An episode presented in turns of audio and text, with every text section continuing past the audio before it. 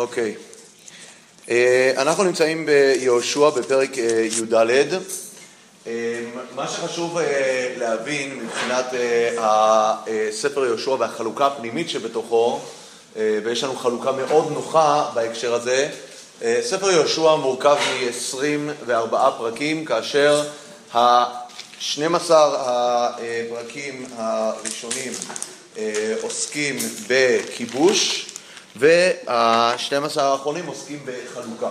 אז אנחנו מפרק י"ג ואילך עוסקים אה, בחלוקת הארץ, אה, ואנחנו יכולים לראות באמת הפסוק הפותח את פרק י"ג, וזה הכותרת, ויהושע זקן בא בימים, ויאמר השם אליו, אתה זקנת אה, באת בימים, והארץ נשארה הרבה מאוד לרשתה, זאת אומרת, הכותרת של החלק הבא של הספר זה חלוקת הארץ. כבשנו אותה, השתלטנו עליה באופן צבאי, ועכשיו צריך ליישב אותה ולחלק אותה לשבטים השונים.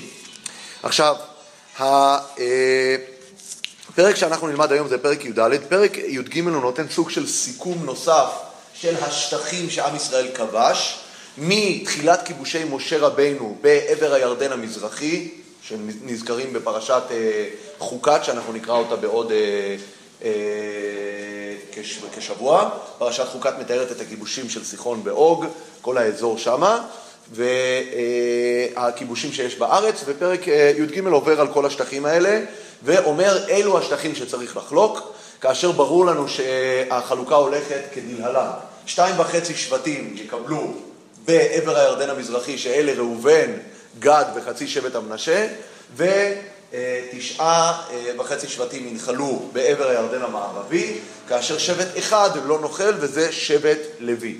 את הסיכום הזה שאני נתתי לכם זה בקצרה, הסיכום שמופיע בתחילת פרק י"ד. בואו נקרא את זה בתחילת פרק י"ד. ואלה אשר נחלו בני ישראל בארץ כנען, אשר ניחלו אותם אלעזר הכהן ויהושע בן נון, וראשי אבות המטות לבני ישראל, בגורל נחלתם, כאשר ציווה השם ביד משה, לתשעת המטות וחצי המטה, מה זה תשעה מטות, מצות וחצי המטה? זאת אומרת שתיים וחצי הם בעבר הירדן המזרחי, נשאר תשעה וחצי אה, שבטים, כי נתן משה נחלת שני המטות וחצי המטה מעבר לירדן, וללוויים לא נתן נחלה בתוכם, כי היו בני יוסף שני מטות מנשה באפרים. ולא נתנו חלק ללוויים בארץ, כי אם ערים לשבת, ומגרשי, ומגרשיהם למקניהם ולקניינם. אגב, יש פרקים בהמשך, בהמשך הספר, אני לא טועה, זה פרק, או פרק י"ח או פרק י"ט, שזה הפרקים שעוסקים בנחלת הלוויים באמת. יש נחלה ללוויים, אבל בשונה משאר השבטים שיש להם נחלות מוגדרות, ללוויים יש שגרירויות בכל שבט ושבט ערי הלוויים. כאשר ציווה השם את משה כן עשו בני ישראל ויחלקו את הארץ. איפה? אני עקבתי על... אה, בפרק כ', אוקיי. בפרק כ' נמצא החלוקה של נחלת הלוויים, אוקיי? עכשיו, בעצם הפרק הזה, תחילת הפרק, נותן לנו סיכום של מה שהולך להיות גם לפנינו. בעצם הפרקים הבאים עד כמעט, עד פרק אה, כ"ב, אה, יעסקו בחלוקת הארץ. כאשר החלוקה תהיה מאוד מאוד ברורה. תחילת החלוקה של הארץ תהיה קודם כל יהודה ויוסף, אחר כך יש משהו מאוד מוזר בתחילת אה, פרק אה, י"ח, תחילת פרק י"ח, אני מבקש לפתוח בואו ותראו, פרק י"ח פסוק א', ויקהלו כל עדת בני ישראל שילה, יש לכם את זה? י"ח, פרק י"ח פסוק א', עד הפרק הזה, רק כדי שנסביר, ואגב, זה חשוב להסביר את זה, כי אנחנו לא נקרא את זה, אנחנו גם לא נלמד את זה כל כך בפנים, את הנושאים האלה. כי רוב הפרקים האלה זה יותר אה, מה שנקרא רשימות של הערים ושל הגבולות של השבטים השונים, אה, אז אנחנו לא נלמד את זה בפנים, אנחנו יותר נלמד על המבנה של הפרקים האלה. אז עד פרק י"ח בעצם יש פירוט של איך יהודה ויוסף נוחלים את הנחלות שלהם ומתיישבים בתוכם, כאשר שאר השבטים מצוין לנו שהם בסופו של דבר לא, אה, לא, לא מקיימים את חלקם, וזה מה שכתוב כאן. ויקהלו כל עדת בני ישראל שילה, וישכינו שם את אוהל מועד, והארץ נכבשה לפניהם. זאת אומרת, יש כאן שלב מאוד משמעותי. עם ישראל עובר מהגלגל, שהגלגל היה מחנה זמני במשך 14 שנה, במשך 14 שנה, שבע שנים של כיבוש ושבע שנים של חלוקה. עוד מעט, אגב, נראה מאיפה אנחנו יודעים שהכיבוש לקח שבע שנים. אנחנו נראה את זה, יש חשבון מדויק בפרק י"ד. אז כאשר זה מסתיים, אז השבטים היחידים שנחלו את הארץ בינתיים הם רק ראובן, גד, חצי שבט המנשה, יהודה ויוסף. אוקיי? אז עכשיו יש לנו אה, אה, אה, עוד אה, שבעה שבטים שלא נחלו. ויוותרו בבני ישראל אשר לא חלקו את נחלתם שבעה שבטים.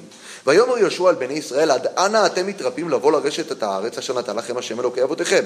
הבו לכם שלושה אנשים לשבת, זאת אומרת כל שבט שולח שלושה נציגים, ואשלכם ויקומו ויתהלכו בארץ ויכתבו אותה לפי נחלתם ויבואו אליי, והתחלקו אותה לשבעה חלקים. אוקיי? יהודה יעמוד על גבולו מנגב, ובית יוסף יעמוד על גבולה מצפון. ואתם תכתבו את הארץ שבעה חלקים, והבאתם אליי הנה, ויריתי לכם גורל פה לפני השם אלוקינו. זאת אומרת, אם נשים לב, המבנה של הארץ עובד ככה. מבנה ההתנחלות זה, קודם כל, ראשית כל, אמ, יש את יהודה ויוסף מתנחלים, אוקיי? מתנחלים, ממש מתיישבים והכול. יש לנו בשלב השני, אמ, יש כאן מחוץ לתמונה, אמרנו, ראובן גד וחצי שבט המנשה נשארים בחוץ. יש שאלה מעניינת מתי הם חוזרים לבית שלהם, אבל הם יחזרו לבית שלהם, הם מסודרים, אנחנו לא דואגים להם. אצלם ברור מאוד מה הנחלה שלהם בעבר הירדן המזרחי. יש כאן שבע שבטים מתאספים, יותר נכון, שבעה, מתאספים בשילה, שאגב, הדבר הזה כולל, כמו שאמרתי, משהו דרמטי גם, המעבר לשילה מסמל את ההתקבעות כבר, הרי המשכן הזה בשילה יעמוד יותר מ-300 שנה שמה, בשילה, אז שבעה שבטים אה, מתאספים אה, בשילה. ג' יש, אה, בואו נקרא לזה משלחות מיפוי, משלחות מיפוי. ד' יש גורל גורל יהושע, זאת אומרת, המשלחות של המיפוי מגדירות מהם השטחים שאותם אנחנו צריכים לנחול. השטחים האלה הם שטחים שמחולקים לשבעה חלקים, כאשר לא ברור מי מקבל איפה. הגורל יקבע לגבי כל הארץ הנותרת מי יקבל היכן, וזה הגורל, הגורל יהושע קובע מי נוכל איפה בשטח הפנוי, כאשר המשלחות האלה הן משלחות של מיפוי הארץ. מה? הן לומדות את השטח. כי בסופו של דבר, כאשר הגורל יצטרך לחלק, צריך להגדיר איפה הגיוני להעביר גבול. כי גבול צריך לעבור באיזשהו מקום עם... אה, עם צריך שיהיה איזשהו סדר הגיוני לגבול. גבול לא יכול לעבור אה, באמצע שדה או באמצע דברים מסוימים. צריך איזושהי, מישהו שילמד את הגיאוגרפיה של הארץ, זה בעצם מה שהם עושים. ויש כאן משלחת שכוללת את כל הנציגים, כדי שאף אחד לא יעשה כאן אה, שום, מה שנקרא, ינסה לעשות את הקומבינה. ולסדר לעצמו את השטח. אחר כך יש את גורל יהושע, והשלב האחרון בסופו של דבר זה ש... אה, שבעה שבטים נוחלים. בסופו של דבר בשלב ו' יהיה שתיים וחצי, אני אכניס את זה פה בהנחה, אני אומר בינתיים, זה לא דבר סגור. שתיים וחצי שבטים, שתיים וחצי שבטים ולוויים נוחלים. נוחלים, אוקיי? זה פחות או יותר הסדר של הכיבוש שהולך להיות מכאן עד לסוף הספר. הדבר, הכי, הדבר הנוסף שיהיה לנו כאן שיוזכר בספר זה אה, הקמת ערי מקלט, שזה גם חלק מנחלת אה, הארץ, זה הערי מקלט שמשה ציווה אותם. הפרשייה של ערי מקלט של משה רבינו אה, חוזרת כמעט מילה במילה פה בספר יהושע, ויש בסופו של דבר אה, שני פרקים בסוף הספר שמוקדשים ל... מילות סיכום ופרידה ותוכחה של יהושע לפני שהוא עוזב את השטח, זה פחות או יותר הולך להיות מבני ההתנחלות. וכאן יש דבר מאוד מעניין ומוזר. אנחנו רואים שצריך משלחות מיפוי לארץ, כאשר אנחנו מגיעים לנחלת שבעה שבטים האחרונים. איך יהודה ויוסף יודעים איפה הנחלה שלהם ואיך לקחת אותה ולקבל אותה? האם הם קיבלו את זה בגורל? אם הם קיבלו את זה בגורל, למה רק הם היו בגורל הזה והשבטים האחרים לא היו בגורל הזה? יש כאן לכאורה שני שלבים שלא מובן איך הם קורים בכלל. יהודה ויוסף כבר נמצאים בתוך נחלתם, כאשר השבטים האחרים פתאום מתחילים לדון איפה אנחנו הולכים להיות, איך הארץ הזאת נראית, איך אנחנו ממפים אותה ואיך אנחנו מחלקים אותה. זה נראה שיהודה ויוסף הסתדרו כמו שצריך. יש את יהודה ויוסף ויש את כל שאר הסיפור. איך קורה הסיפור הזה? מה? שמעון הוא מובלט בתוך יהודה, כאשר לא ברור עד לשלב הזה ששמעון הוא זה שיהיה המובלט בתוך יהודה. אנחנו יודעים היום אגב, שכבר מברכת משה כתוב שמע השם כל יהודה, אז שמה זאת ברכת שמעון. שמעון לא מתברך אצל משה רבנו, וזאת הברכה. זאת אומרת, שמעון, גם הברכה שלו היא מובלעת בתוך ברכת יהודה, לא רק ברמה גיאוגרפית, גם מבחינה טקסטואלית. אבל הדבר הזה לא מוברר עד אחרי הגורל הזה, שקובע ששמעון הוא זה שינחל שמה. אז יהודה מקבל את נחלתו ושומר שמה מובלעת בתוכו, שמעון מוקף מכל עבריו ביהודה. ככה נחלת שמעון היא מוזרה בהקשר הזה. היא ממש, וזה כתוב, אה, גם על זה אומרים חז"ל, אפיצם בישראל, שלשמעון בעצם יש נחלה מאוד אה, חלשה.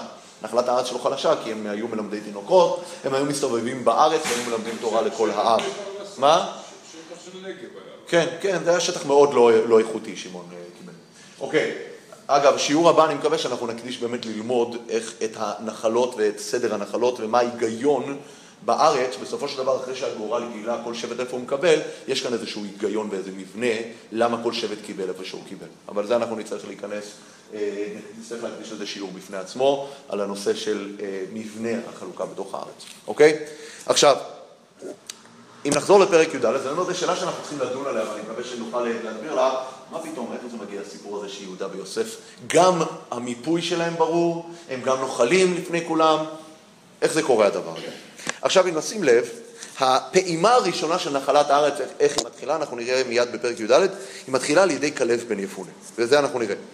פסוק י', אני חוזר לפרק י"ד, פסוק י', ויגשו בני יהודה על יהושע בגלגל ויאמרו אליו, כלב בן יפונה הכניזי, ויאמר, סליחה, ויאמר אליו כלב בן יפונה הכניזי, אתה ידעת את הדבר אשר דיבר השם אל משה איש האלוהים על אודותיי ועל אודותיך בקדש ברנע. מתי? זה פרשת שבוע האחרון.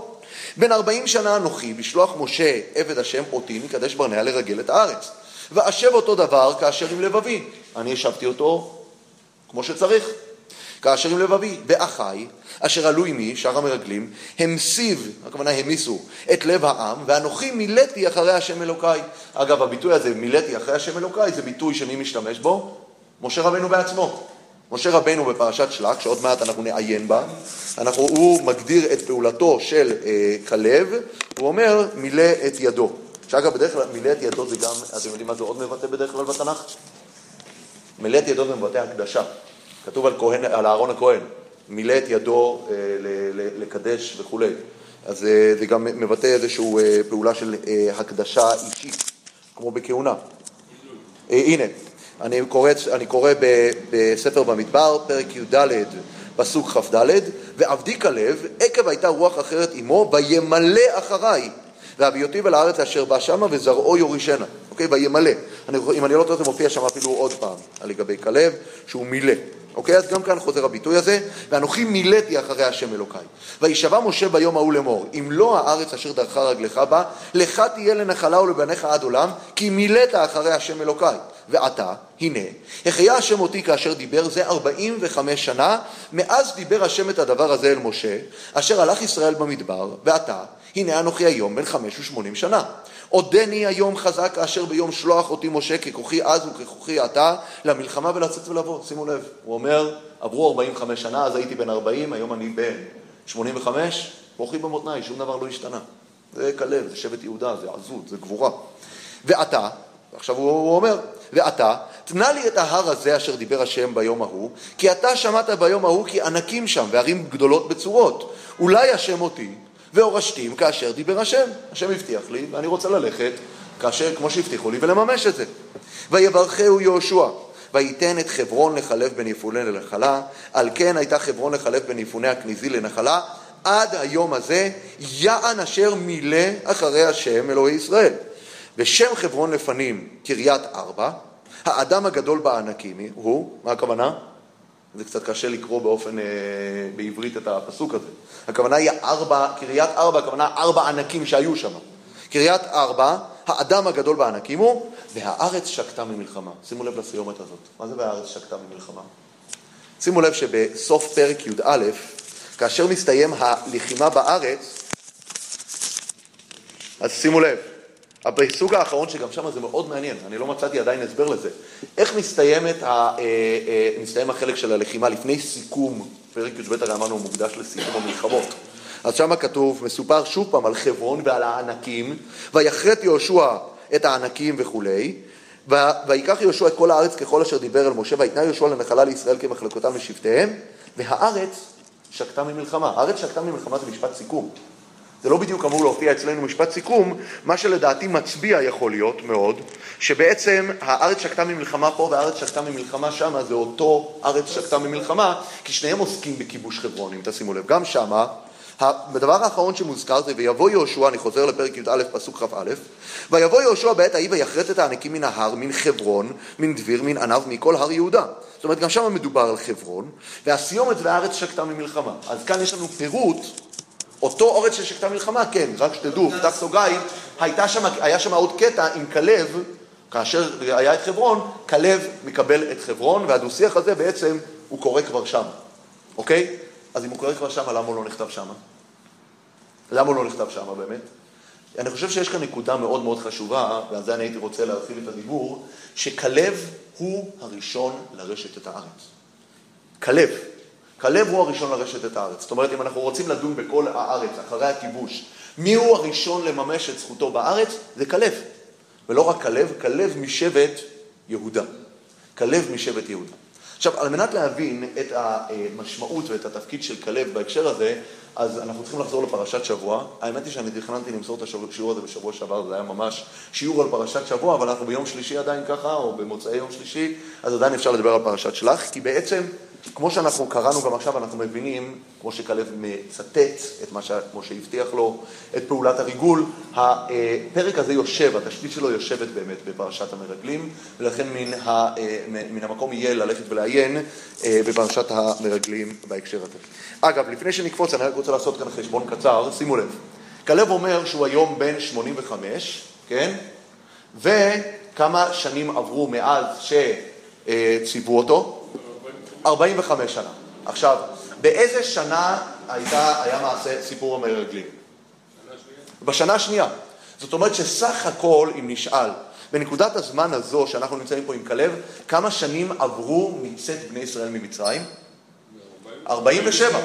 47 שנה. מכאן אנחנו יודעים, עם סיום הכיבוש, כלב אומר שעברו 45 שנה ממעשה המרגלים, אז אנחנו יודעים שכמה שנים לקח הכיבוש? שבע שנים. שבע שנים הכוונה היא לא כמובן שבע שנים, סדר גודל של שבע שנים.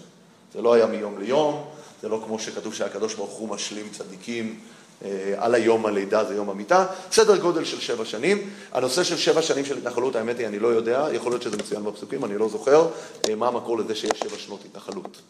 אבל בואו נשאיר את זה כשאלה פתוחה, יכול להיות שזה מופיע בפירוש, אני לא זוכר. אבל כאן המקור שהכיבוש לקח שבע שנים. שסתם, זה דבר מעניין, אנקדוטה מעניינת, כי אנחנו למדנו כל הזמן על הסיפור הזה של יריחו, ואחר כך האי, ואחר כך מלחמת הדרום, שם זה נראה מאוד מאוד מאוד ברצף. אחר כך אנחנו רואים שעברו הרבה הרבה זמן, אנחנו רואים כמה זמן עבר. הרבה זמן עבר הזה זה שבע שנים, לעומת באמת סדר גודל של אולי חודשיים, הסיפורים ההתחלתיים של הכיבושים בספר יהושע, נכון? אנחנו יודעים הרי שיריחו נכבשה בשביעי של פסח, האי היה די מיד אחרי, אנחנו רואים שיש רצף סיפורי, ואחרי האי אנחנו רואים שיש את המעשה המרג... הגבעונים, אחר כך מלחמת הדרום, מלחמת הצפון אנחנו יודעים שכתוב שם ימים רבים. ימים רבים אנחנו רואים שבאמת זו מלחמה שנמשכה המון המון המון זמן, שבע שנים, אוקיי? עכשיו, ברשותכם, על מנת להבין את הדו-שיח הזה, יש כאן דו-שיח בין יהושע לבין כלב פה אצלנו, אנחנו צריכים לחזור ליהושע וכלב שלפני אה, 40, אה, 45 שנה, לעמוד על דמותם. אז בשביל זה נצטרך לפתוח בפרשת שלח.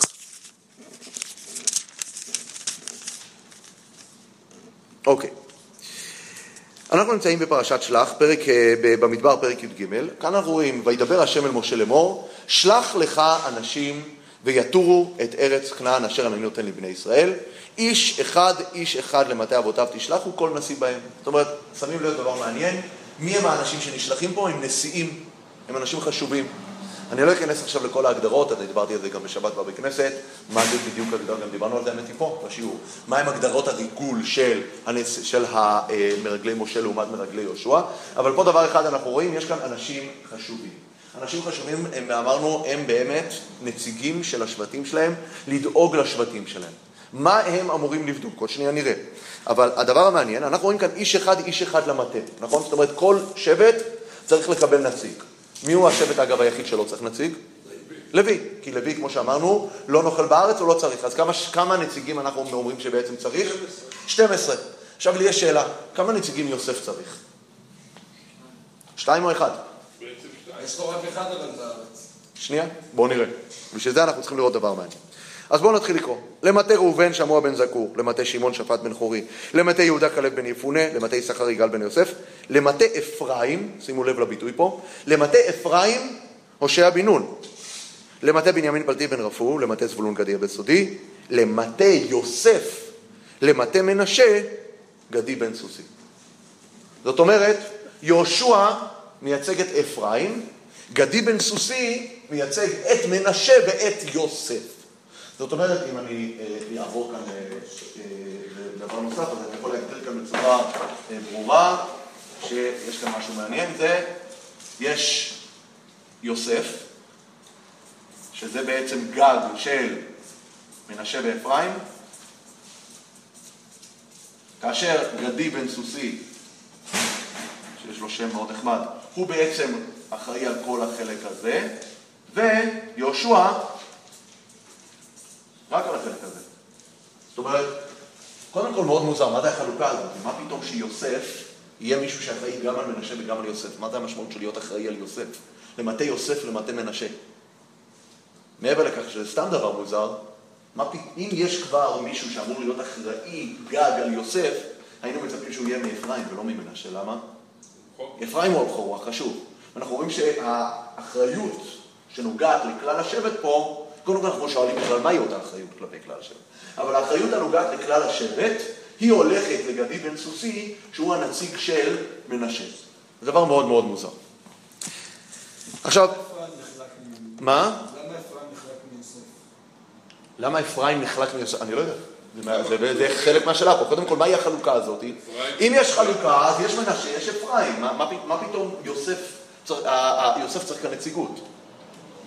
זה מאוד מוזר. יוסף זה היסטוריה. היה להם סבא שקראו לו יוסף. לכאורה, מרגע החלוקה והפיצול, יוסף הרי, אגב, יוסף מקבל פי שתיים כבכור, נכון? הרי הבכורה בסופו של דבר הולכת ליוסף, כן? הרי ראובן מפסיד את הבכורה בגלל שהוא חילל את יצואי אביו. כל אגב התיאור הזה מופיע בספר דברי הימים, ואת הבכורה מי מקבל? יוסף. בכור נוכל פי שתיים, אוקיי? אז לכן הוא מקבל שני, שני שבטים, כן? אז אה, בסדר, יוסף היה, הוא הסבא, בשביל מה צריך עכשיו לכלול אותו בכלל בסיפור פה? זה לא מזה. שמה? בגלל שיוסף, על יוסף, אז דיבר על אביהם. אה, אז מטה מנשה מתייחס ליוסף. אוקיי, יפה. אני לא הכרתי את הדרשה הזאת. איפה זה מופיע? זה נשמע, זה נשמע טיפוסי, בהחלט. זאת אומרת, שומעים מה, מה, מה, מה אומר כאן הרב דריה? שהנושא של מנשה שמתייחס אל יוסף, כי הרי מי שחטא כאן מבין הנציגים של אפרים ומנשה, זה דווקא מנשה. אז מנשה מתייחס על יוסף שהביא את, שהוא הוציא את דיבת הארץ רעה, כמו שאבא שלו יוסף הוציא את דיבת אחיו רעה בפרשת אה, וישב. אוקיי. זה בהחלט אה, דרשה טיפוסית לחז"ל, אני... מה? זה רש"י? רש"י שמה על המקום אומר את זה? לא לפוסק, אבל בספר הפרדס. בספר הפרדס, אוקיי, בסדר. אני אשמח גם, אה, ברשותך, לכוס. תודה. אוקיי, אז בואו נתקדם ונראה עוד דבר מעניין. עכשיו, יש כאן אלה שמות האנשים ששלח משה לתור את הארץ, ויש סיומת, ויקרא משה להושע בן נון יהושע. יהושע, הושע, הופך להושע פלוס יוד, כן? יוד שווה יהושע. כן? זה דבר מוזר. מה זה הסיפור הזה של ויקרא משה להושע בן נון יהושע? איפה זה מגיע? מה המשמעות של התוספת הזאת? רש"י אומר יהושע מלשון, קא יושיעך מעצת מרגלים, אבל מה, באמת המשמעות הזאת?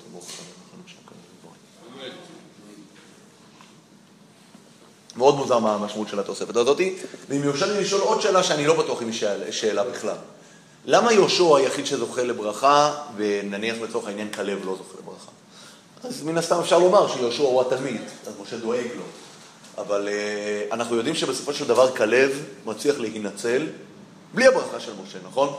אז כאן כן אני יכול לשאול שאלה, במה זכה כלב להצליח להינצל מעצת המרגלים, שיהושע לא יכל אילולי שמשה היה מוסיף לו את היוד הזאת. זאת אומרת, אנחנו רואים כאן שלכלב יש כוחות שיהושע יכול להגיע אליהם רק אם מוסיפים לו את היוד הזאת.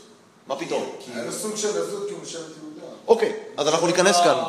בהחלט, בהחלט, אנחנו נגדיר את העניין הזה, מה פתאום כלב, איזה כוח יש לכלב שאין ליהושע, ומה עוזרת היוד ליהושע, ומביאה אותו לאותו מצב שהוא יכול כמו כלב אה, לעמוד במשימה. כן. כי יהושע זה שאמר למשה, אדוני משה כלהם, כן, כי הוא לא רצה שמשה ימות, כן. אז יכול להיות שהוא יתחבר למרגלים, כדי- נישאר פה. אהה, עם משה רבנו. כן. אוקיי. זה רעיון, כיוון מעניין. כיוון מעניין. יהושע היה רוצה שזה יישאר במדרגת אבל משה. גם בסוף פרשת בשלח, משה מדבר על יהושע. נכון. נכון, נכון. לא. נכון, נכון. אוקיי, אז בואו בוא, אה, נתקדם עוד קצת, נאתגר כאן בעוד כמה שאלות.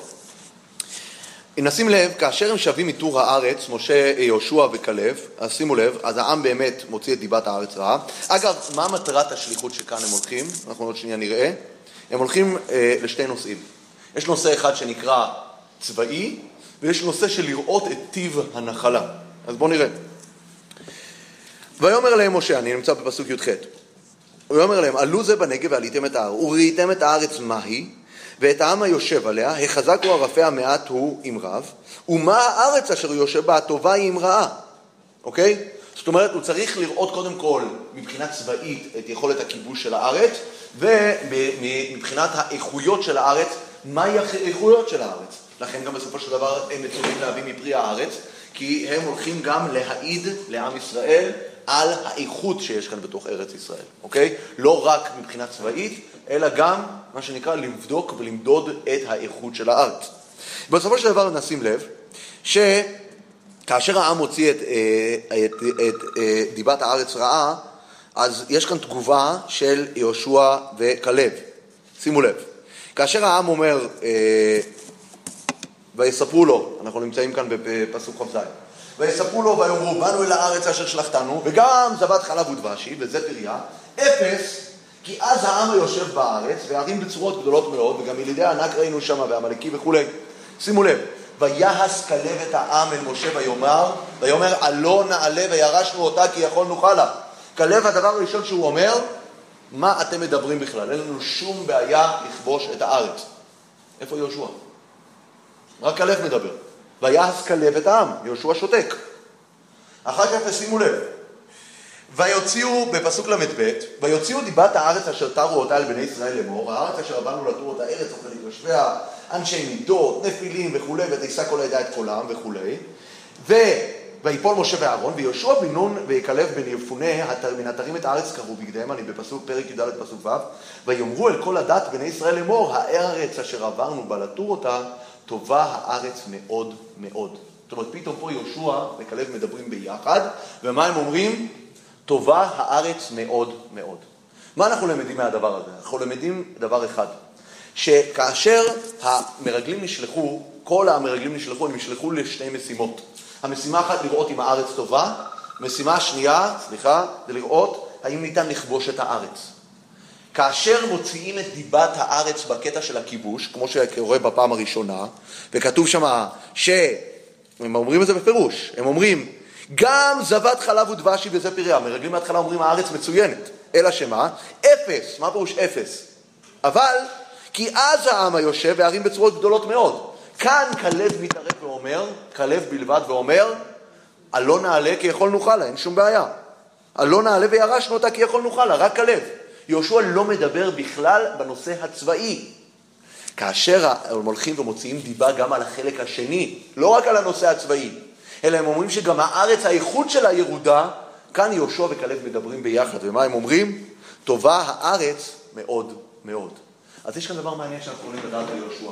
יהושע מדבר רק על איכות הארץ. אוקיי? מה הנקודה פה? ויש כאן נקודה מאוד חשובה.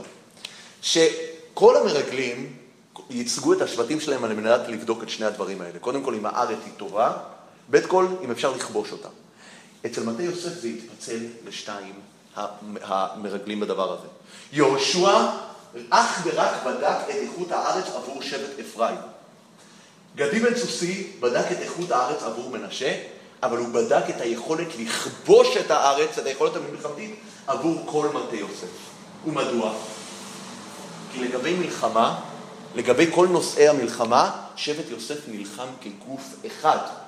שבט יוסף נלחם כגוף אחד, כאשר נוכל, הם נוחלים שני חלקים שונים בתוך הארץ. יש את החלקה של מנשה ויש את החלקה של אפרים. אין צורך בשתי נציגים שייצגו את יוסף בפן המלחמתי. לכל השבטים האחרים זה לא משנה, כי כל שבט צריך, הוא גם יחידה אחת לגבי כיבוש, והוא גם אותה יחידה שהולכת למדוד את טיב הארץ. ולכן כל שאר המרגלים מחזיקים בתיק כפול, תיק איכות הארץ, בדיקת האיכות, ותיק בדיקת הכיבוש. אצל יוסף, מכיוון שלגבי הכיבוש, לגבי הכיבוש, יוסף נלחם כיחידה אחת, אין צורך בשתי נציגים שיבדקו את יכולות הכיבוש. ולכן שימו לב, גדי בן סוסי, הוא בודק את איכות הארץ ואת יכולות הכיבוש של הארץ, כאשר יהושע לא בודק בכלל את יכולות הכיבוש של הארץ. שזה דבר מאוד תמוה. הרי מי הוא זה שהולך לכבוש את הארץ? יהושע. היינו מצפים שיהושע הוא זה שיופקד על תיק הכיבוש, אבל אנחנו רואים כאן, ושימו לב, זה מסביר לנו את כל ההבדלים פה. כאשר מדברים על דיבת הארץ שמדברת על אפס כי עז העם שמה, והערים בצורות גדולות בשמיים, יעש כלב, כלב בלבד מדבר, והוא אומר, עלו נעלה כי יכול נוכל. יהושע לא מדבר שמה, למה? כי יהושע לא בדק את יכולות הכיבוש של הארץ. הוא לא יכול לדבר. כאשר העם מתחיל לדבר ולהגיד, הארץ לא טובה, אז יהושע וכלב ביחד יכולים להגיד, טובה הארץ מאוד מאוד. טובה הארץ מאוד מאוד. הם יכולים ביחד, כי לזה יהושע כבר יכול לדבר. הוא גם הלך לבדוק את איכות הארץ. שימו לב לעוד דבר מרתק. כאשר מסתיימת הפרשה... המרגלים אבל לא הולכים ביחד. המרגלים. קודם כל הם לא הולכים ביחד, ועוד שנייה אני אוכיח לך את זה, כי אני הולך להחזיר עוד מעט את הדבר הזה פה, ולהסביר לך כאן את השאלה שדיברנו עליה. אוקיי? מה? למה מנשה לא מופיע לפני אפרים? למה מנשה לא מופיע לפני אפרים? איפה? כן, למה ביוסף? אז קודם כל צריך להדגיש כאן נקודה שאני אדבר עליה שבוע הבא. אני אדבר עליה שבוע הבא. כתוב ברש"י בפר... בפרשת דברים, ותקרבון אליי כולכם, אומר רש"י בערבוביה. מה הכוונה בערבוביה? הסדר של הופעת המרגלים פה בפרשת שלח הוא ייחודי, והמקום היחיד בתורה שהוא חלוק, רשימה של השבטים ללא כל הסבר.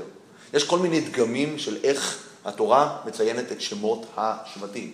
יש דגם הולדה, דגם נחלה, דגם מסע במדבר, יש כל מיני דגמים שנדבר עליהם, שיש מה- שאחד מהדגמים האלה, אגב, אני כבר עושה לכם ספוילר ואני מגלה לכם, דגם חלוקת הארץ הוא דומה לדגם הדגלים. הוא ממש כמעט אחד לאחד דגם הדגלים. פה זה המקום היחידי בארץ, במקומות, ויש המון מקומות שנמנים השבטים. יש בברכות יעקב, בברכות משה, ובספר במדבר שנקרא חומש הפקודים, הם נזכרים כמה וכמה פעמים, בפנחס וב- ובהתחלה, ויש בספר שמות, יש כל מיני עניינים. המקום היחידי שאין שום היגיון למניין, זה פה. ולכן זה בערבוביה, ותקראו אליי בערבוביה, ממש ככה. אז אני אומר, הסדר פה הוא בכוונה מעורבב, זה קצת מתאר את המצב פה, שאין סדר, זה נעשה ב, ב, בתוך בלאגן. אז באמת אה, אין כאן היגיון, בהגדרה פה, אין היגיון בסדר של ההופעה של השמות פה. מה? כן, אין, אין. לא, אני אומר, רש"י אומר שזה ערבוביה, מצאנו, מצאנו הסבר, זה ערבוביה, אוקיי? יש כאן, ההסבר הוא הערבוביה. אוקיי, עכשיו, כמו שאמרתי, אחד מה... עכשיו, הדבר המעניין זה שבסיומת של הפרשה הזאת, מי זה שמקבל כאן אה, מה שנקרא פרס? כלב. כלב מקבל פרס. ומה כתוב כאן בפרס, בסופו של דבר? פסוק כ"ד בפרק י"ד, ועבדי כלב, עקב הייתה רוח אחרת עמו, וימלא אחריי, אחריי, והביאותיו אל הארץ אשר בא שמה, וזרעו יורישנה. עכשיו, אין לכם רש"י מול עיניכם, אתם תראו, רש"י שם אומר דבר מאוד מעניין. יש הרבה פעמים רש"ים שנראים רש"ים כאלה מוזרים. רש"י שם אומר ירוישנה, באונקלוס תרגם יטרחיני. מה הכוונה יטרחיני? יטרחיני הכוונה היא, הוא, סליחה, סליחה, הוא אומר יורישנה יש, אפשר להסביר בשתי דרכים. או להוריש מלשון ירושה, אב מוריש לילדיו, או יורישנה מלשון כי אוריש גויים מפניכם. הכוונה היא זרעו ינצ... אז הכוונה היא, זרעו ירישנה, הכוונה היא האם זרעו יירש את הארץ מלשון ירושה, או מלשון מלחמה. אז אומר שם רש"י, לא, לא, לא, לא, אל תפרש את זה, הכוונה היא מלשון ירושה שהוא יקבל מתנה. אלא זרעו ירישנה, הכוונה היא ינצח במלחמה, אוקיי? שם רש"י ככה כותב. עכשיו זה נראה לפעמים, מי שקורא את זה סתם, זה נראה שרש"י כאן עושה כאן בדקדוקי עניות. זה הפירוש, או זה הפירוש, לא, זה מאוד משמעותי. מכיוון שהטיקט הגדול שכלב הוא זה שמוביל אותו מול המרגלים, זה שאפשר לכבוש את הארץ. זה הוא עושה לבד. זה יהושע לא נמצא איתו.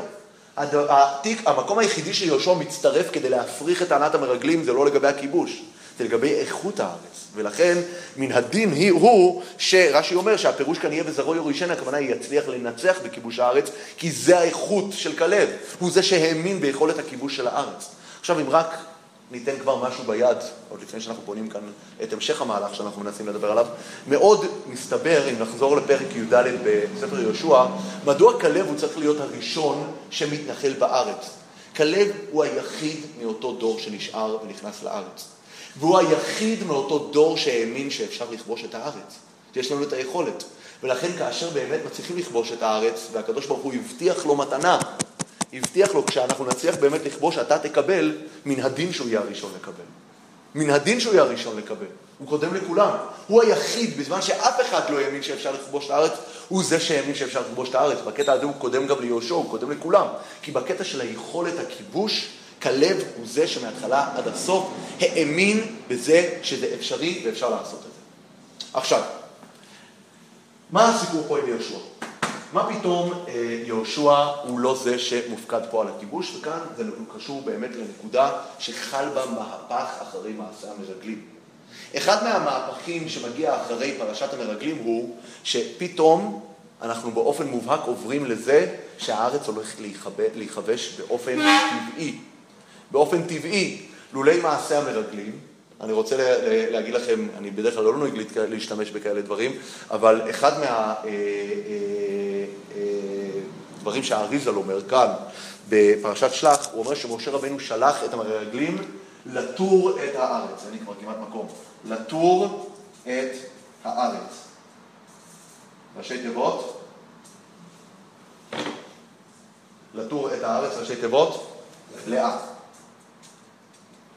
כתוב שהמרגלים עלו, כתוב ועלו זה בנגב וכולי, ויבואו עד רחוב לבוא חמת. רחוב לבוא חמת. רחוב לבוא חמת, זה ראשי תיבות, לא בסדר, רחל. מה הכוונה? אריזל אומר, משה רבנו אמר למרגלים, אנחנו הולכים הרי, תשימו לב, לכבוש את הארץ איך? באופן ניסי, באופן על-טבעי. מדובר כאן על משה רבנו. מדובר כאן על משה רבנו עוד לפני החטא של משה רבנו. משה רבנו, עם כל המהלכים של הניסיות של משה רבנו, הוא זה שאמור להצעיד את העם לתוך הארץ על כנפי נשרים, במהלכים ניסיים. המדרגה של המדבר עדיין יכולה להישאר תאורטית. אנחנו מדברים כאן קודם החטא הרי. וממילא הוא אומר להם, תלכו לטור את הארץ במדרגה של לאה. לאה תמיד מייצגת את הדברים הנצחיים. כתוב בחז"ל, לאה מתנותיה נצחיות, כמו כהונה, כמו מלכות, שזה עובר מאב לבן. אנחנו נדבר, ואני מקווה שנספיק לדבר עוד היום על עוד, על, עוד פעם על יהודה ויוסף, כי זה אחד מהנושאים שעומדים כאן ברקע, שההבדל הגדול בין יהודה ליוסף, שהם, כל אחד מהם הוא הבכור של לאה ורחל. למה יהודה נקרא הבכור של לאה? מכיוון שראובן חטא, שמעון ולוי גם חטאו במעשה שכם וסולקו, אז יהודה הוא הבכור של לאה, ויוסף הוא הבכור של רחל. וכל אחד מהם מייצג את הז'אנר הזה של לאה ורחל. רחל היא יפת תואר ויפת מראה, היא אחת שנטועה בעולם הטבע. גם יוסף. יוסף אנחנו יודעים, יוסף מסלסל בשערו, יוסף יפה, בן פורת יוסף, בן פורת עלי עין. יוסף הוא זה שדרך הטבע הוא פועל. תמיד כל הזרע של יוסף הוא, הוא, הוא עובד תמיד דרך הטבע, אוקיי? הוא עובד דרך הטבע, ולכן בכוונה, תשימו לב פה, כאשר יהושע, שהוא המייצג שמגיע כאן ליוסף, הוא לא אמור לייצג בכלל באופן מלחמתי. למה? יהושע הוא תלמיד של משה. משה לא מתכנן כאן בכלל שהולך להיות כיבוש הארץ בדרך הטבע. זה לא אמור להיות הנושא בכלל. המרגלים מושכים לכיוון הזה. המרגלים מושכים לכיוון הזה שהולך להיות כיבוש בדרך הטבע, וזה החטא שלהם. שהם חושבים, אנחנו הולכים לעשות את זה. זה אנחנו הולכים לעשות את זה. לא, לא, לא, לא, לא ולא. זה לא אתם. הקדוש ברוך הוא זה שאמור לנהל את העניינים על פי התוכנית המקורית. ויהושע בצמוד לתוכנית המקורית לא הולך בכלל לבדוק את נושא הכיבוש. הוא הולך לראות רק את איכות הארץ. מה שמרתק זה, מה שמרתק זה שיהודה וכלב כן רואים את כיבוש הארץ. למה? וזה אנחנו נראה דבר מעניין. ליהודה וכלב באיזשהו מקום אפשר להגיד, היה לו כאן איזשהו חטא, שהוא הלך וראה את הארץ ואת יכולות הכיבוש שלה, כי הוא לא היה אמור לראות את יכולות הכיבוש של הארץ באופן עקרוני. אבל ליהודה יש כוח, וזה כוח שקיים ביהודה מאז ומעולם ועד העתיד, שגם אם הוא חוטא, הוא יודע איך לצאת מזה. הוא יודע איך לצאת מזה. יהודה, כתוב יהודה, אה, דוד המלך הקים עולה של תשובה, יהודה הוא זה שחוטא וחוזר ואומר צדקה ממני, כל מי שנמצא בתנ"ך חוץ משבט יהודה חוטא וחוטף על הראש. ראובן חוטא, מפסיד את הבכורה, שמעון ולוי חוטאים, מפסידים דברים. יהודה חוטא במעשה תמר, ונשאר יהודה, נכון? אנחנו רואים, עם ישראל חוטא, כולם חוטאים, מפסידים את כל מה שיש להם. אדם הראשון חוטא, מאבד, מבורש בגן עדן. אחר כך אנשים שאנחנו מנינו, עם ישראל, שאול המלך חוטא, מאבד את המלוכה. מגיע דוד, פי, חטאים חופשי, ונשאר דוד. למה? כי ליהודה יש את הכוח הזה, יש להם את הכוח, למרות שהם פוגשים את הטבע ופוגשים את החטא, הם מצליחים לשמור על המדרגה שלהם. זה אגב הסיבה שיהיה משיח בן דוד. מה משיח יצטרך לעשות? משיח יצטרך להחזיר אותנו לאותה דרגה שהיינו בה, זה המהות של תשובה של יהודה. להצליח לקחת אותך ולתקן אותך ולהחזיר אותך למקום שאתה היית. ליוסף אין את הכוח הזה. ליוסף אין את הכוח הזה, ואתם יודעים למה? כי יוסף הוא מחובר לטבע.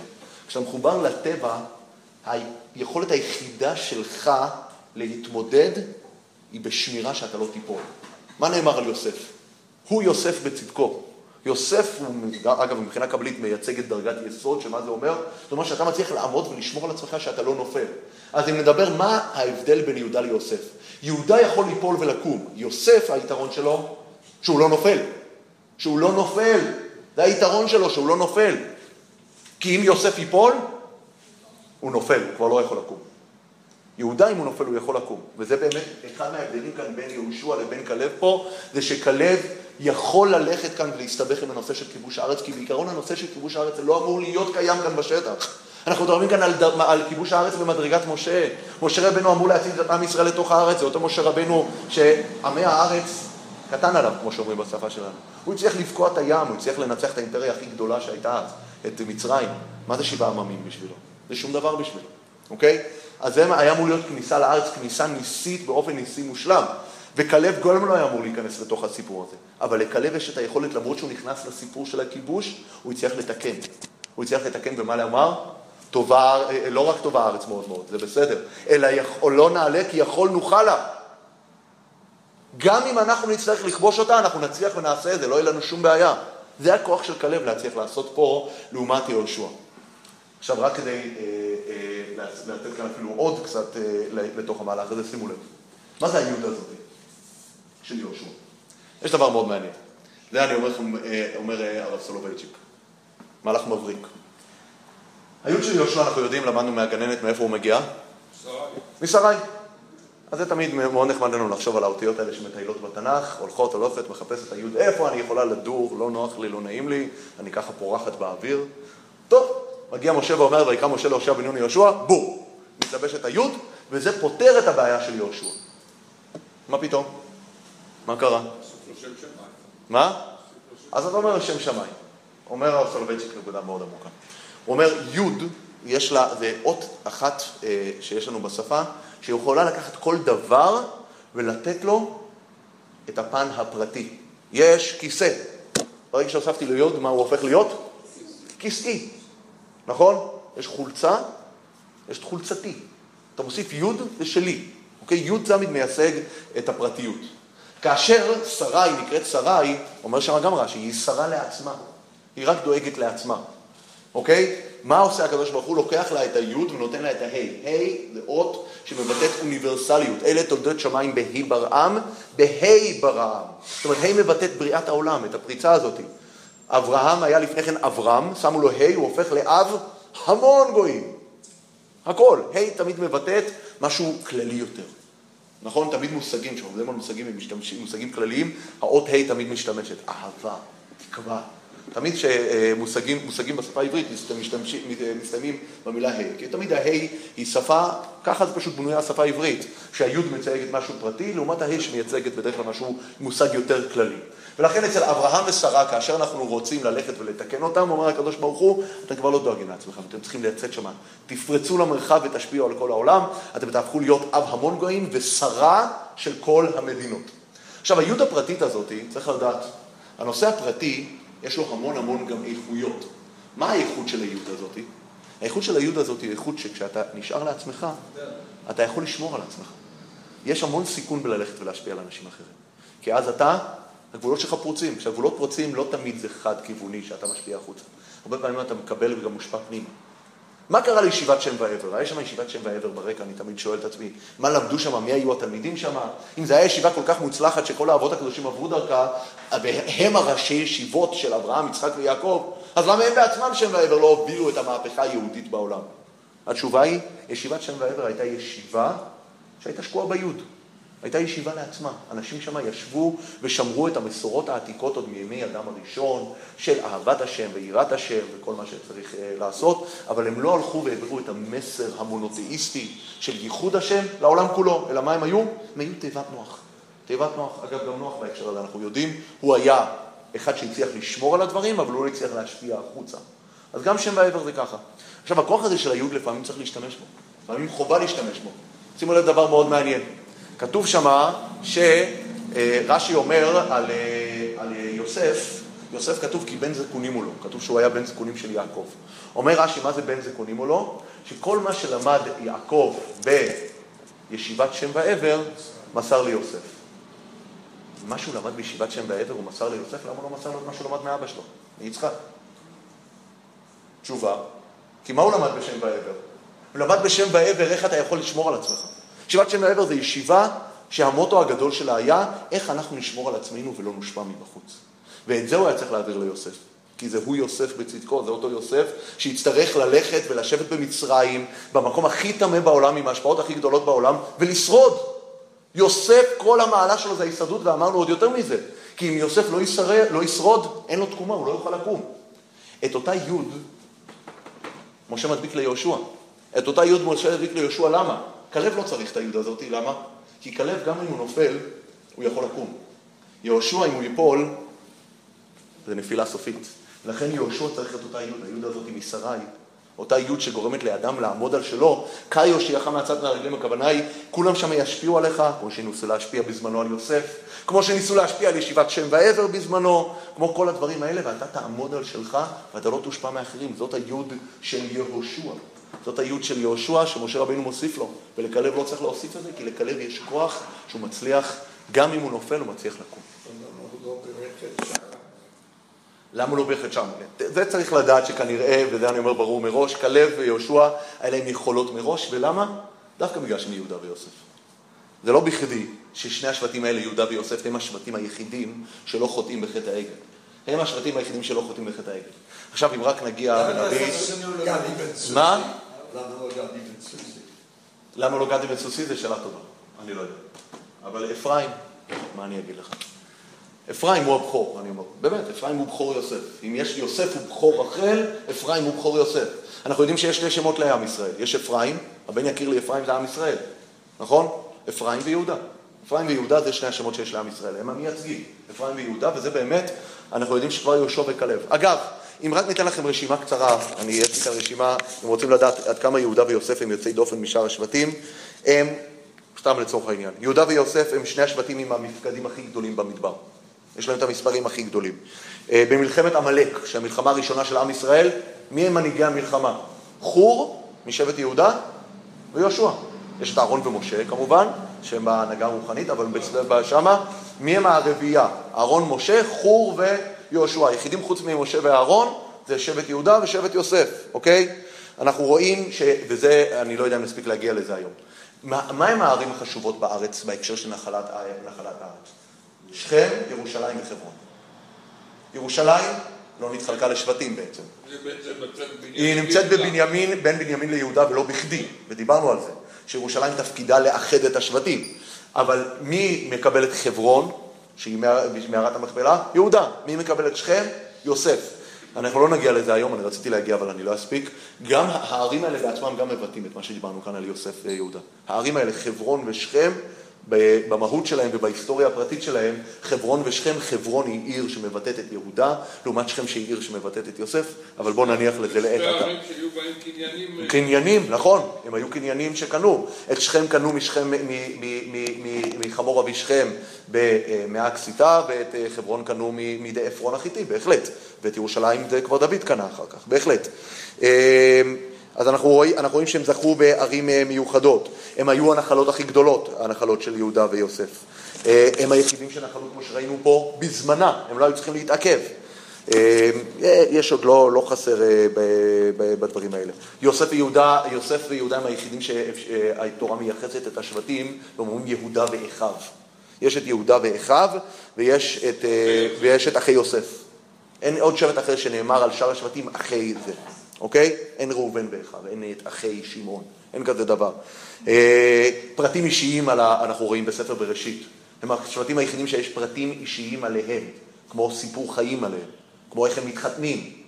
הם שבטים אחרים לא, אנחנו לא יודעים שום דבר על האנשים שלהם, לא יודעים עם מי התחתנו, לא יודעים מה השמות של האנשים שלהם. יהודה, אנחנו יודעים בדיוק איך הוא התחתן עם תמר, אנחנו יודעים שלאשתו קוראים תמר, אנחנו יודעים את השמות של הבנים שלו ולמה הוא קרא לבנים שלו ככה. פרץ וזרח. אותו דבר מיוסף. יוסף אנחנו יודעים שאשתו היא אסנת בת פוטיפרה, בת כהן און. אנחנו יודעים למה הוא קרא לבנים שלו מנשה ואפרים. הם הנכדים היחידים של יעקב אבינו, שמוזכרת הסיבה למה די השם שלהם, ורק יהודה ויוסף זוכים לזה. יהודה ויוסף באיזשהו מובן הם חצי אבות. הם לא סתם שבטים רגילים, כן? אנחנו לא יודעים על מופים וחופים של בנימין למה קראו להם ככה, כי התורה לא, טור- לא טורחת לציין, כי אין לזה שום ייחודיות. אצל יהודה ויוסף יש ייחודיות לילדים שלהם. אה, הם היחידים שנושאים נשים כשרות, אנחנו רואים. שאר הנשים, שאר, שאר השבטים קורא, נושאים אה, נשים כנעניות, כן? הם, אה, עוד דבר אתם רוצים, הם היחידים, שבטים היחידים ששם השם נזכר בתוכם. יהודה ויוסף. יוסף הרי, אנחנו יודעים, בתהילים זה נזכר, ששם השם נזכר. הם השבטים היחידים שהשם שלהם מבטא תפילה להשם. נכון? הפעם אודה את השם. יוסף השם לי בן אחר, אוקיי? אה, וכולי, יש, עוד, יש עוד, אה, עוד, אה, עוד הרבה דברים, גם בצוואות של יעקב ומשה, מי שיקרא את הברכות של יהודה ויוסף לעומת שאר השבטים, אתה רואה את זה באופן מובהק. יהודה ויוסף זה ודאי השבטים שמובילים כאן בכל המערכת. עכשיו, רק כדי לסיים פה את המהלך הזה כולו, אנחנו אמרנו, השבטים הלכו לראות את איכות הארץ. בשביל מה הם הלכו לראות את איכות הארץ? וכאן נכנסת נקודה מאוד חשובה שדיברנו עליה פה מההתחלה. יהודה והשבטים האלה הולכים לראות את הארץ וגם למפות אותה. לא רק לראות את האיכות שלה. הם הולכים ללמוד את הארץ, את הגיאוגרפיה שלה, את הטופוגרפיה שלה, איך בדיוק הארץ מתחלקת, וכל שבט ושבט רואה שם את הדברים, וחוזר, אמור לחזור למשה ולתת לו גם, מה? נקודת מבט, מה קורה בארץ מבחינה טכנית. איפה עוברים הגאיות וההרים והשדות והנחלים והנהרות וכל הדברים האלה. יש לנו רק בעיה אחת קטנה. יש רק שני שבטים שכשהגענו בפועל לנחלה של הארץ, היה להם מידע מבוסס על הנחלה. יהודה ויוסף. כי המרגלים של כל השבטים האחרים נמתו. הם לא הצליחו אפילו להביא את הדיווח שלהם. הם לא הצליחו לממש את הדיווח שלהם. אז כאשר יהודה ויוסף באים לנפול בארץ, יש להם יתרון עצום על שאר השבטים, שהם כבר יש להם את הידע בארץ. הם יודעים איזה חלק הם יכולים לקבל, הם יודעים, אה, מעבר לזה, יש להם גורל עצמאי לשני השבטים האלה. יש להם שטח שאנחנו יודעים שיהודה ויוסף מביאים, שמתוכו יש כאן שטח שהם מקבלים אותו, ושאר השבטים לא מקבלים אותו. כי צריך לדעת שיש קו ברור בין יהודה ויוסף לשאר השבטים. מעבר להיותם הבכורים, הם השבטים היחידים שכשמגיע רגע הנחלה, יש להם מידע אמיתי ומבוסס מה קורה, והם יכולים לבוא וליהושע, וליהושע ולומר לו, יש שם את החלקים האלה שאנחנו ראינו, זה החלקים שמתאימים לנו, יכול להיות שהיה להם שם ויכוחים ביניהם מי נוכל איפה והיה צריך להטיל גורל ביניהם, אבל כאשר זה מגיע לשאר השבטים, זה ערפל גמור בשבילם, כל הארץ הנותרת מה לעשות. כי אותו יתרון שהיה במרגלים אצל יהושע וכלב, זה המשיך לתוך הנושא של חלוקת הארץ, וזו הסיבה שיש כאן חלוקה נפרדת שצריך לשלוח משלחות מיפוי בארץ. מי מיפה ליהודו ויהודה ויוסף? לא תמצאו בשום מקום בספר יהושע משלחת מיפוי של יהודה ויוסף. הם לא צריכים. היה להם משלחת מיפוי בפרשת שלח. המרגלים עשו להם את מלאכת המיפוי, והביאו להם את התוצאות, ועל ידי זה הם פעלו, אוקיי? המרגלים האחרים, השבטים האחרים, נותרו באיזשהו מקום בתעלומה, ולכן היו צריכים ללכת ולמפות את שאר הדברים ולהבין אותם. עכשיו, זה כן, אני רוצה להדגיש, מבחינת הגורל, צריך קצת לברר איך עובד הנושא הזה של הגורל. יש לי תחושה שהיה ברור מראש, פחות או יותר, איפה כל שבט הולך לנחול. היה איזשהו סדר גודל של שטחים. אלא הגורל, הרבה יותר משהיה תפקידו לברר אם יהודה נוחל בדרום או בצפון, זה לא היה השאלה, אלא מהם גבולות הגזרה של יהודה. מהם גבולות הגזרה שלו, אוקיי? שאר השבטים יכול להיות שגם היה ברור, פחות או יותר, שמי יהיה יותר צפוני ומי יהיה יותר דרומי, אבל לא היה ברור בפנים איך, איך, איך מחלקים את זה, איך חותכים את העוגה הזאת. זה פאזל. הארץ זה פאזל. אצל יהודה ויוסף היה מאוד ברור להם הפאזל, איפה עובר כאן הדברים ביניהם, כי היה להם את הנציגים שהיו בשטח ואמרו, עד כאן אפשר לשים את הגבול, לא צריך להתעסק עם זה, מאוד ברור כאן אה, גבולות הנחלה. אוקיי, תודה רבה לכם.